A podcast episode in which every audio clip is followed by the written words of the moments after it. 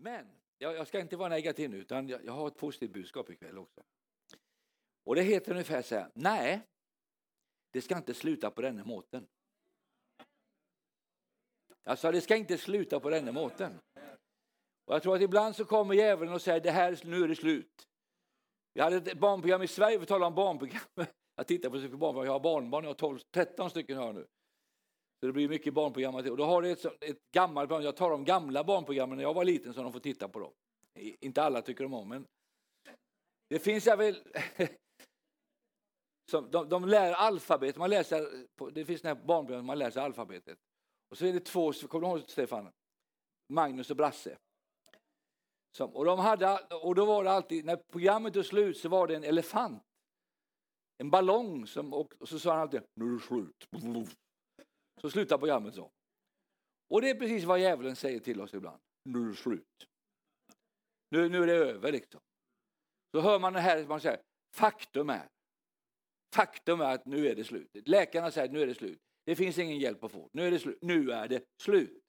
Men då har jag ett ord för dig. Nej, det ska inte sluta på den här måten. Alltså det ska inte sluta på den här måten. Därför att det står så här, grips ni av vrede, synda inte. Låt inte solen gå ner över vrede. Och ge inte djävulen något tillfälle, står det. Med andra ord, solen ska inte gå ner, det ska inte sluta i nederlag. Min pastor som vigde mig och min fru Monica, hon, han sa till oss, kom ihåg det, ni kan ha olika meningar hela dagen, men när ni lägger er på kvällen, då ska det vara seger i sängen. Då ska ni vara vänner. Då ska ni inte, då ska ni inte bråka. Man ska inte somna och vara ovän med någon. Därför att det är viktigt att man har allting klart när man somnar. Och jag tänker det är lika, men ibland så säger jag, nu är det solen, nu går det neråt för dig, nu, nu är det över, nu, nu finns det inget mer. Det kan han säga till gamla predikanter, nu ska du inte predika mer, nu är, det, nu är det över. Men Gud tänker inte så. Han säger, nej det ska inte sluta på den här måten. Det finns en framtid och det finns hopp.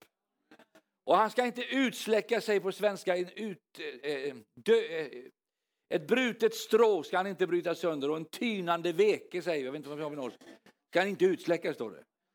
Tills han har låtit rätten gå fram till seger. Och det tänker jag när det gäller Ukraina också, det är, en, det, är en, det är en rykande veke, men den ska inte släckas ut. Det finns framtid, det finns hopp för det landet. Och varför det finns ett land, som du sa, jag var där för tre år sedan och bar tillsammans med 300 000 människor på torget i Kiev. Och vi hade bön för Ukraina. Och presidenten, jag kommer ihåg när vi åkte till Ukraina i början. Vi fick smuggla biblar in i Ukraina. Vi smugglade massor med biblar in. Nu sa presidenten i Ukraina att, jag tycker det var så härligt, han sa så här. Sa han så här, nästa år ska vara Bibelns år i Ukraina. Det är klart Gud vill det, eller hur? Det låter ju bra liksom. Det är inte en president, en premiärminister i hela Europa som har sagt det. Men i Ukraina säger man det. Och på de, de ber och de ber och de ropar till Gud i sina skyddsrum nu och de står i tunnelbanorna i Kiev och ropar och sjunger lovsång. Jag såg man är lovsångsteam där och de bara jublar inför Gud. Och de har en president som är jude från Israel. Hans pappa överlevde förintelsen. Så den enda som överlevde i hans familj var eh, eh, Zelinskis farfar, bästefar. Och nu leder han landet och det är ganska härligt att se när han sitter nere i bunkern där med sina utrikesministern och, och försvarsministern och de äter apelsiner och, och, och, och, och håller om varandra och ber och vad de nu gör, och de pratar med varandra. Men Putin han sitter ensam 20 meter från sin närmaste medarbetare. Det säger någonting. Men vad säger det det här? Att Gud säger till dig här ikväll att det ska inte sluta så här. Amen. Alltså amen. Det sa jag under hela coronatiden. Nej, det ska inte sluta med corona. Nej, det, vi ska, vi ska, och då tänkte jag, då kom det här ordet till mig när, eh, när eh, eh, Jesus kom på tredje dagen till lärjungarna och de står i de stängda, de var, de var i lockdown. Hela lärjungarna ska vara i lockdown, instängd. Då kom han inte med ett konspirationsbudskap och sa bö. Utan sa frid vare med er, sa han. Ska inte sluta här, vi är inte över än. Och när, när Jesus eh, sen uppstod och då, och då det var ju något, han hade ju en grav, jag brukar berätta om det, han hade en grav som vi sjunger här, Josefs grav från Marimatea. Och när de frågade Josef, hur kan du slänga iväg en sån, eller ge iväg en sån dyrbar grav? Vet du vad han sa? Det var ju bara för en weekend. Eller hur? Eller hur? Det var ju bara tre dagar. Det kan man väl låna bort en grav i tre dagar. Men alla trodde det var över. Alla trodde det var slut. Alla sa nu, nej, men Jesus, Gud hade en plan. Nej, det ska inte sluta här.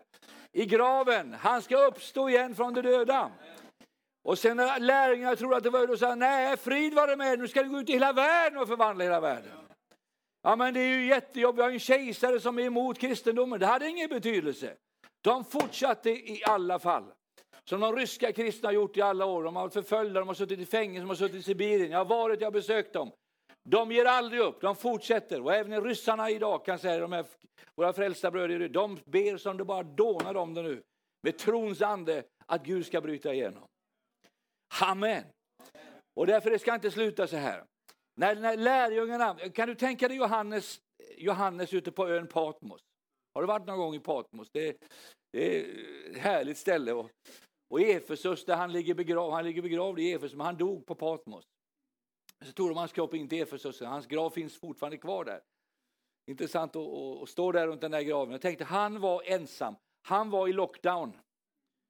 Han satt på en ö. Hans, alla hans vänner var fängslade och avrättade. Han hade inte Facetime, han hade inte Instagram, han var helt nedstängd. Inte ens mobiltelefonen hade han. Kan du höra djävulen sa till honom så här, va? Har du ägnat hela ditt liv åt en sån här nederlag, en sån här katastrof? Har du hållit på hela livet och försökt att vinna världen? Nu sitter du här i Israel, hur är det med Paulus? Han är avrättad. Hur är det med han? Han är borta. Petrus är död, korsfäst. Och så sitter du här och tror att det är någonting. Men vet du vad, då kom det inte Facebook, då kom det the book of revelation, halleluja. Och då uppenbarade Gud, fick han se en syn, och så fick han se att en dag i himlen så kommer det vara människor från alla folk och alla folkslag. Det vill säga, det här är inte slutet. Jag sa, det här är inte slutet. Det kommer mera, det kommer större och starkare saker, det kommer ännu underbart. Och jag tror precis lika nu att det är viktigt att vi inte predikar nederlag nu, utan predikar tron till Guds folk. Att vi kommer över, vi kommer igenom. Du som sitter här, du kommer igenom, du kommer över. Och jag säger inte bara för att puffa upp dig, jag säger det för att inspirera i den helige Ande. För den här Jobb var sjuk, för han var ju sjuk. Det är, det, det är bara att konstatera. Men han var inte sjuk hela livet. När jag var 13 år fick jag en diagnos av läkaren. Han sa du har, jag hade ont i huvudet varje dag. Du har, du har migrän, sa läkaren. Jaha, vad är det för något, sa jag då. Ja, det är en, det är en sjukdom, sa han. Och prognosen är det här att du kommer alltid ha det så länge du lever. Och det var ju vilket budskap. Alltså. Men sju år senare blev jag helad. Och jag har inte haft en huvudvärk nu på 48 år. Jag tackar Gud för det undret. Det fanns ett efter detta. Du vet att när, när Job var sjuk, han var sjuk i nio månader tror vissa, jag vet inte Leif om jag har rätt på det, men kan det vara en sån där typ tid? Jag är evangelist, jag är inte specialist. Jag är evangelist, det var bra jag aldrig sagt förut, jag är evangelist och inte specialist. Tack. Och, eh, men han var sjuk en tid. Men hans sjukdom hade en begränsning. Den hade ett slut. Och det är det som jag skulle vilja säga. Att, så när Job bad för sina vänner, står det, så upprättade Gud Job. Och så står det så fantastiskt lite senare. Efter detta levde Job i 140 år. Vad bra, men vi kan gå hem nu. Efter detta levde han i 140 år. Det finns ett efter detta. Det finns något som kommer efter det du går igenom nu. Efter den här svåra tiden, efter den här sjukdomen, efter det där ekonomiska kaoset. Det kommer ett efter detta. Och det behöver inte vara en baksmälla. Utan det kan bli en segertid. Där du är med om nya segrar, nya helger. Jag tror att våra församlingar kommer att explodera av väckelse. Jag pratade med Mats-Ola Isola, han är ju från Norge. Hans pappa har ju varit pastor här i Sarpsborg många år sedan. Han, han berättade för mig att det är en sån väckelse nu i Moskva. Bland, kyrkorna är fulla. Folk står uppe i väggarna, det finns inte plats för alla som vill gå till kyrkan och lämna sig åt Gud. Så mitt i allt det här, efter det här så kommer vi se andutgjutelse. Vi kommer se kraft och styrka, vi kommer se någonting nytt hända. Jag är så glad att få vara med och se en väckelse. Jag har drömt om det här med livet, att få med om en till. Och nu ser vi den i Sverige, det har börjat hända på många, många, många ungdomar som blir frälsta i Sverige idag. Som är svårt skadade av narkotika och droger, men Gud rör vid dem och Gud upprättar dem. Och jag är så tacksam, jag sa till Arne här att jag gråter varenda dag av tacksamhet när jag ser alla dessa härliga, underbara människor som blir frälsta, som har djävulen slagit i bitar och sargat. Men det finns ett efter detta för varenda narkoman. Det finns, ett, det finns ett efter detta för varenda syndare. Och det finns ett efter detta för din församling. För dig som pastor, för dig som ledare. Gud sitter och skriker, det kommer mera. Alltså det kommer mera. Det kommer mera andligt det kommer mera kraft, det kommer mera nådegåvor, det kommer mera tungotal, det kommer mera profetier och det kommer mera tro. Säg efter detta. Säg efter detta. Efter detta. Halleluja. Glory to God. Solen ska inte gå ner i, ne i nederlag. Det ska sluta bra för dig. Du kanske har haft en tuff period, men det ska inte sluta så här. Det ska bli bättre. Ja, nu är du väldigt optimistisk. Ja, men vad ska jag göra? Liksom? Det måste ju vara som man är. Liksom. Och jag, jag, bara, jag känner i min ande, det pulserar av liv och kraft. Jag klev in i lokalen här idag. Jag blev så välsignad av din profetia och ditt bibelord. Det bara tog av i mig. Och jag, jag, tror faktiskt att, att vi går in i en tid nu där vi framförallt ska sluta vara sint på varandra. Det ska vi lägga av med nu. Inga mer bråk i kristenheten. Nu räcker det. Nu ska vi vinna världen för Gud. Nu ska vi arbeta tillsammans. Det finns inga, som de sa, competition att vinna människor för Gud. Det finns bara companions. Jag hade förmånen att höra Reinhard Bonke, hans sista preken på den här jorden. Sebastian Staxet ringde mig en dag och så sa han, vi måste åka till Hamburg. Bonke ska predika sin sista predikan. Jag köpte en biljett, det var jättedyrt och vi åkte ner. Hamnade i en kö som var tre kilometer lång nästan komma in där. Och så kom det en av Bonkes medarbetare och kände igen mig och sa att är du här Carl Gustaf? Kom. Så tog han in mig och så fick sitta nästan längst fram. Och så hörde vi Ragnar Bonke sa det här är min sista predikan innan jag går hem till Herren. Jag ska ge, vill tacka er för vad, vad ni har gett mig. Och så gick han ner och hälsade på alla 4000 som satt där i Hanna. Och så sa han att det här är min sista preken. Och så talade han om att fullborda loppet. Vilket budskap! Och så talade han om korset.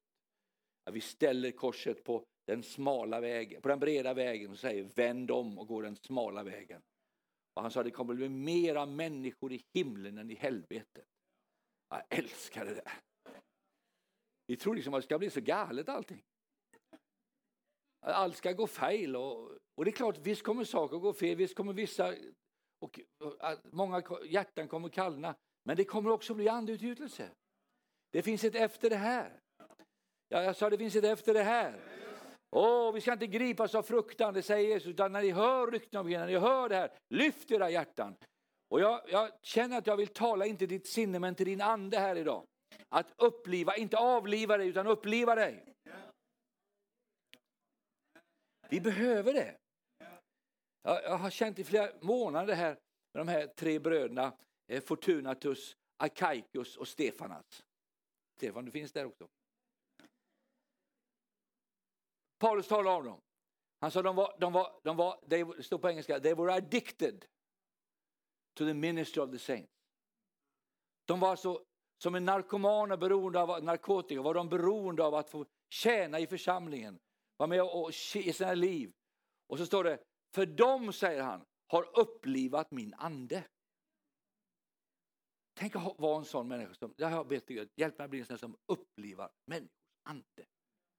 Inte ta koll på folk utan det, det finns nog av dem liksom som vill bryta ner. Men, men låt oss vara som ger liv till varandra, uppliva varandras ande. Det är det här Gud vill bara komma fram med nu tror jag. Och så, och så, och så, och så står det om de här bröderna då, de gick 30 kilometer från Rom ner till Apfia. Och där kommer en sleten apostel. Han heter Paulus. Han, har varit på, han hade varit på, i vattnet, han hade varit, han hade varit i kamp, ormar hade bitit honom, han hade varit i kung, han hade blivit förföljd, han hade suttit i fängsel. Han var sliten, han kom till Italiens kust, skulle göra sin sista resa upp till Rom. Och då står det sex bröder där som har gått 3, 30 kilometer till fots. Nästan som upp till Mossjö. Men i 20, 30 grader värme. Och kommer ner där. Och så står de på stranden när han, han kommer med sina fång, fångbojor. Och då står det så här, när Paulus fick se dem fick han nytt mod. Man kan ju tappa mod när man träffar vissa människor. Vi har mött dem där så man tappar modet när man möter dem. Men vi ska inte vara sådana. Alltså, vi ska inte vara sådana. Vi ska vara människor som vi blir upplivade i vår ande. I anden får vi liv, i anden får vi kraft. Kom bacharala sindaya. Åh, halleluja, det är underbart att få uppliva varandras ande. Inga handoseleja. Jag, jag, berätt, jag tror jag berättade en gång, vi hade en pingstkonferens här i den här lokalen eller utanför vi var här. Och då nämnde jag om, om jag har ju haft förmånen att åka till en liten församling utanför Göteborg ett antal år. En, en, en liten broder som ringde, man heter Fiskolle. Och när han ringde så sa han alltid hallå, hallå, hallå. Det är Fiskolle. Kan du komma till oss och preke? Så vi är åtta medlemmar, alla är inte aktiva. Du har ju varit där. Jag tänkte åtta medlemmar, alla inte aktiva. Ska man åka på sådana kallelser? Han kan säga vi är 15 000. Kommer du? Och så får jag en inbjudan komma till åtta medlemmar, alla inte aktiva. Det var en, det var en prövning liksom. Men min pastor sa så här, åk på det som är härligt och det som är, det som är viktigt. Det behöver inte vara alltid, alltid det, men känner du att du vill så åker du dit. Jag tänkte, jag vill åka dit. Så kom jag dit och så tittade jag på, på GPSen, not found står det. Det fanns inte på kartan. Risveden. Så jag åkte dit i alla fall och så hittade, fick jag en vägbeskrivning och så åkte jag åkte långt upp på landet. Det var inte en människa, det var bara kor och hästar. Jag tänkte, det här blir intressant. Och helt plötsligt står det tältmöte. Jag svänger in där och för han sa att vi ska ha tältmöte. Vi, ska, vi, alltså, vi hade tänkt att köpa ett tält för 300 personer, sa han. Och jag tänkte, nej, gör icke det. Åtta medlemmar, alla inte aktiva.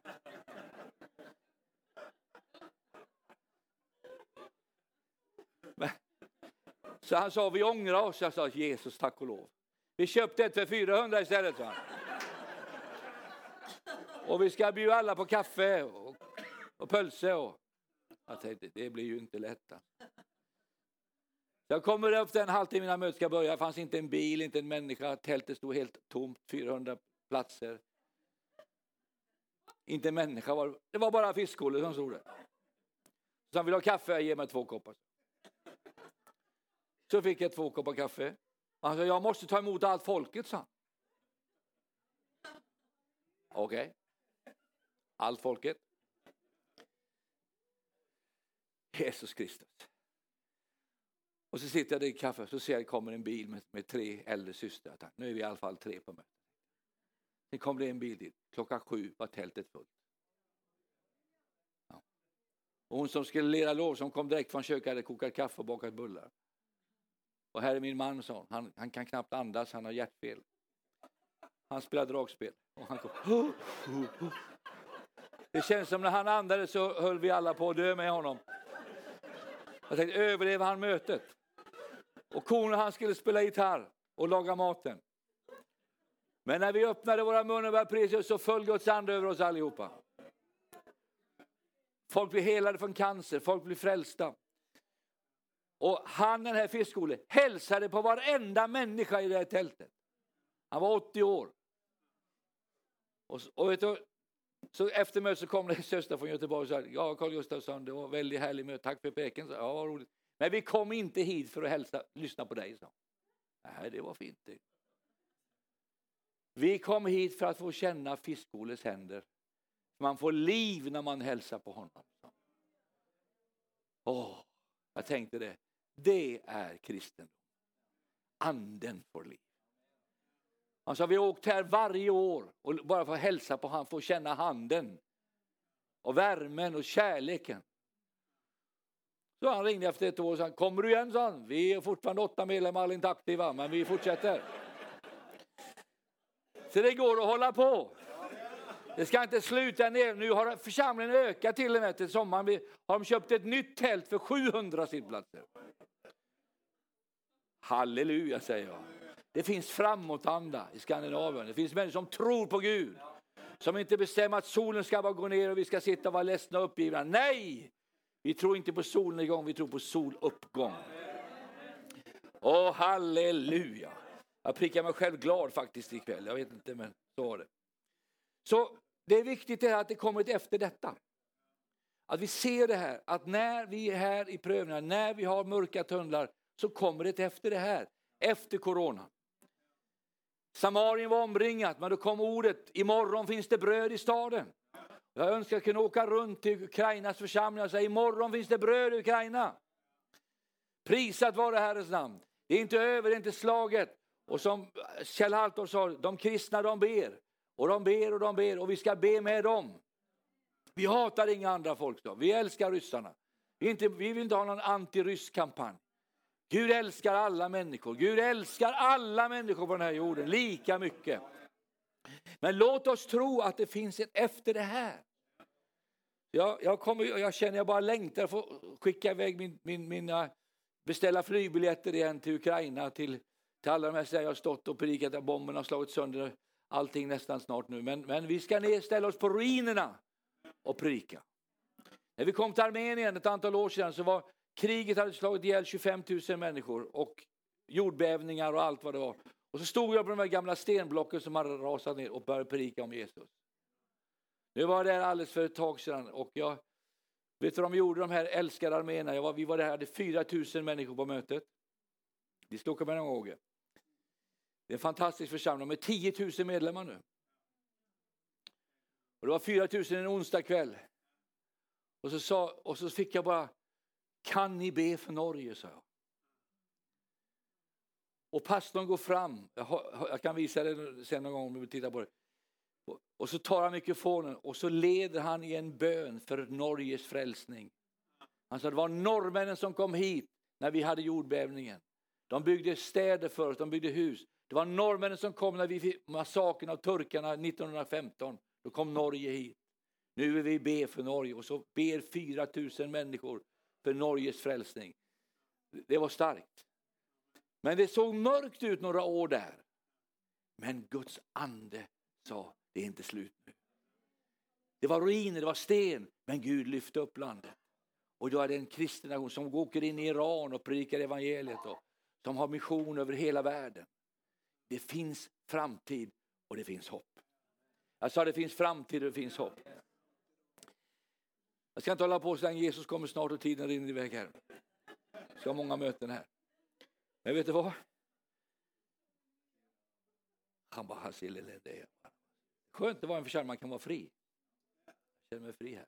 Jag känner att jag är i mitt eget vardagsrum här. Det är härligt. Det fanns en, eh, vet att fotboll, känner ni till den sporten? Norge startade inte fotboll och inte Sverige heller. Vi, fotbollen började inte här. Men det fanns ju, vi pratade om det Leif och jag här igår, om, om eh, Håkons svärfar. Björn Borger ja, från Fredrikstad. En av de bästa fotbollsspelarna i Norges historia. Och hans dotter är med på SOE här borta. Jag blir alldeles förvånad. Leif, Men det börjar inte här. Ursäkta jag säger det. Skidor kanske började här. Det förstår vi ju. Vi ser allt som händer och sker. Men fotboll börjar i England. Det var där det var. England och Skottland. Det var de som började med fotboll. För hundra år sedan, cirka, var det en fotbollsmatch i England. Det var final, det var sista halvlek, det var förlängning. Och det ena laget låg under och var tvungen att göra ett mål för att inte förlora. Så de skulle kunna vinna. Och klockan, tiden höll på att gå och de visste att nu måste vi få till ett mål.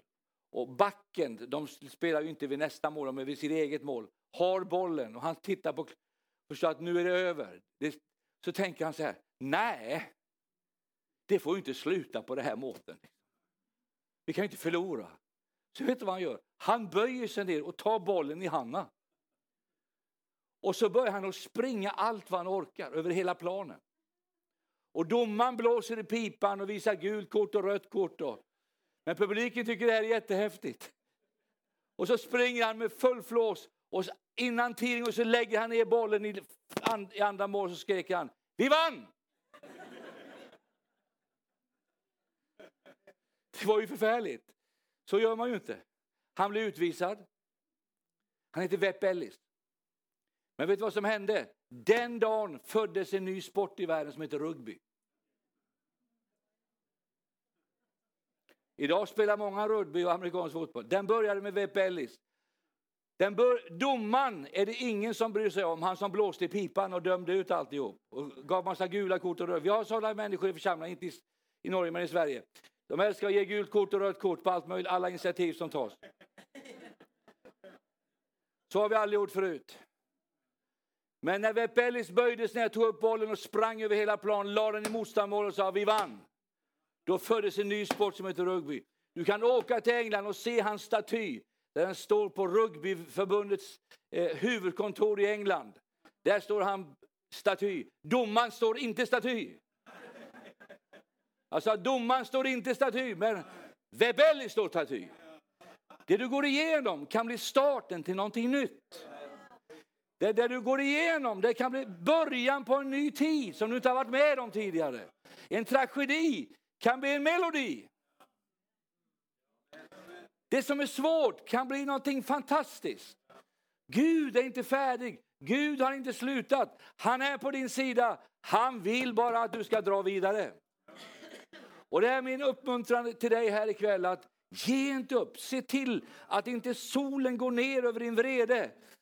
Det kan hända saker, det kan bli upprört, det kan, men låt inte dagen, ditt liv är som en dag och låt det inte sluta i nederlag. Ja men allt är bra kan Gud säga, men då kan det ju bli bättre ändå. Jag har nått toppen, allt är toppen. Ja men även om du är på toppen eller botten så finns det framtid. Jag sa det finns en god framtid. Jag har tankar för er, säger Herren, för att ge er en framtid och ett hopp. kan gå igenom hela Bibeln, nu har inte vi tid, men vi ska gå igenom hela Bibeln, alla människor som gick igenom tragedier. Tänk på Josef, när han låg i brunn. Vad kunde ha blivit? Men Gud reste upp honom. Tänk Elias som låg under ginsbusken. Utan han var med om, har du varit med om en underbar seger någon gång? Det är bara, allting är underbart och du kommer hem på kvällen och sätter på Spotify och oh, halleluja. Vilket möte, vilken konferens. Han var med på en eldskonferens, elden föll över offret, Elia. Barsprofeten var besegrade, ogudaktigheten var borta och han hade vunnit seger med Gud. Så kommer han hem och så får han ett textmeddelande från Isabel. Och så står det, imorgon ska du dö. Och han tror på detta. Har varit, ibland är det märkligt, vi, vi tänker inte ens praktiskt och faktiskt.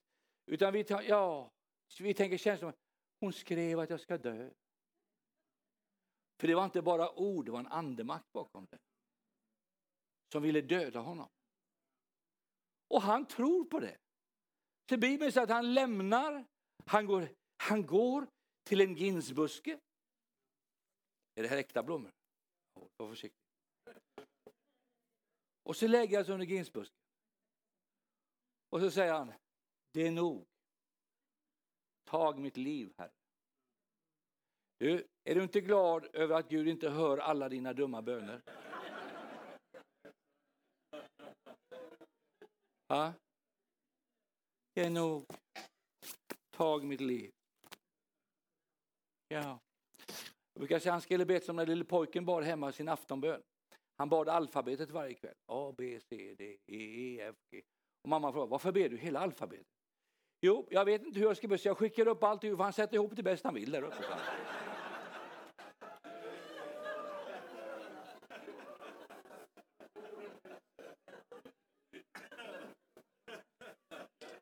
Så är det. Så skulle vi be lite grann mer kanske. Tänk att komma till himlen. Och hur, varför är du här? Ja, Gud slog ihjäl mig. Jag bad han skulle döda mig. Gud hör inte alla ge upp-böner. Alltså Gud hör inte alla ge uppböner. Han tyckte synd om sig själv, Tyck aldrig synd om dig själv. Utan låt den helige Ande resa dig på insidan. Ta tid med Gud. Om Bachar, Zende, Rondo. Och någon gång vi ber tungan tungor när vi, när vi tappar modet.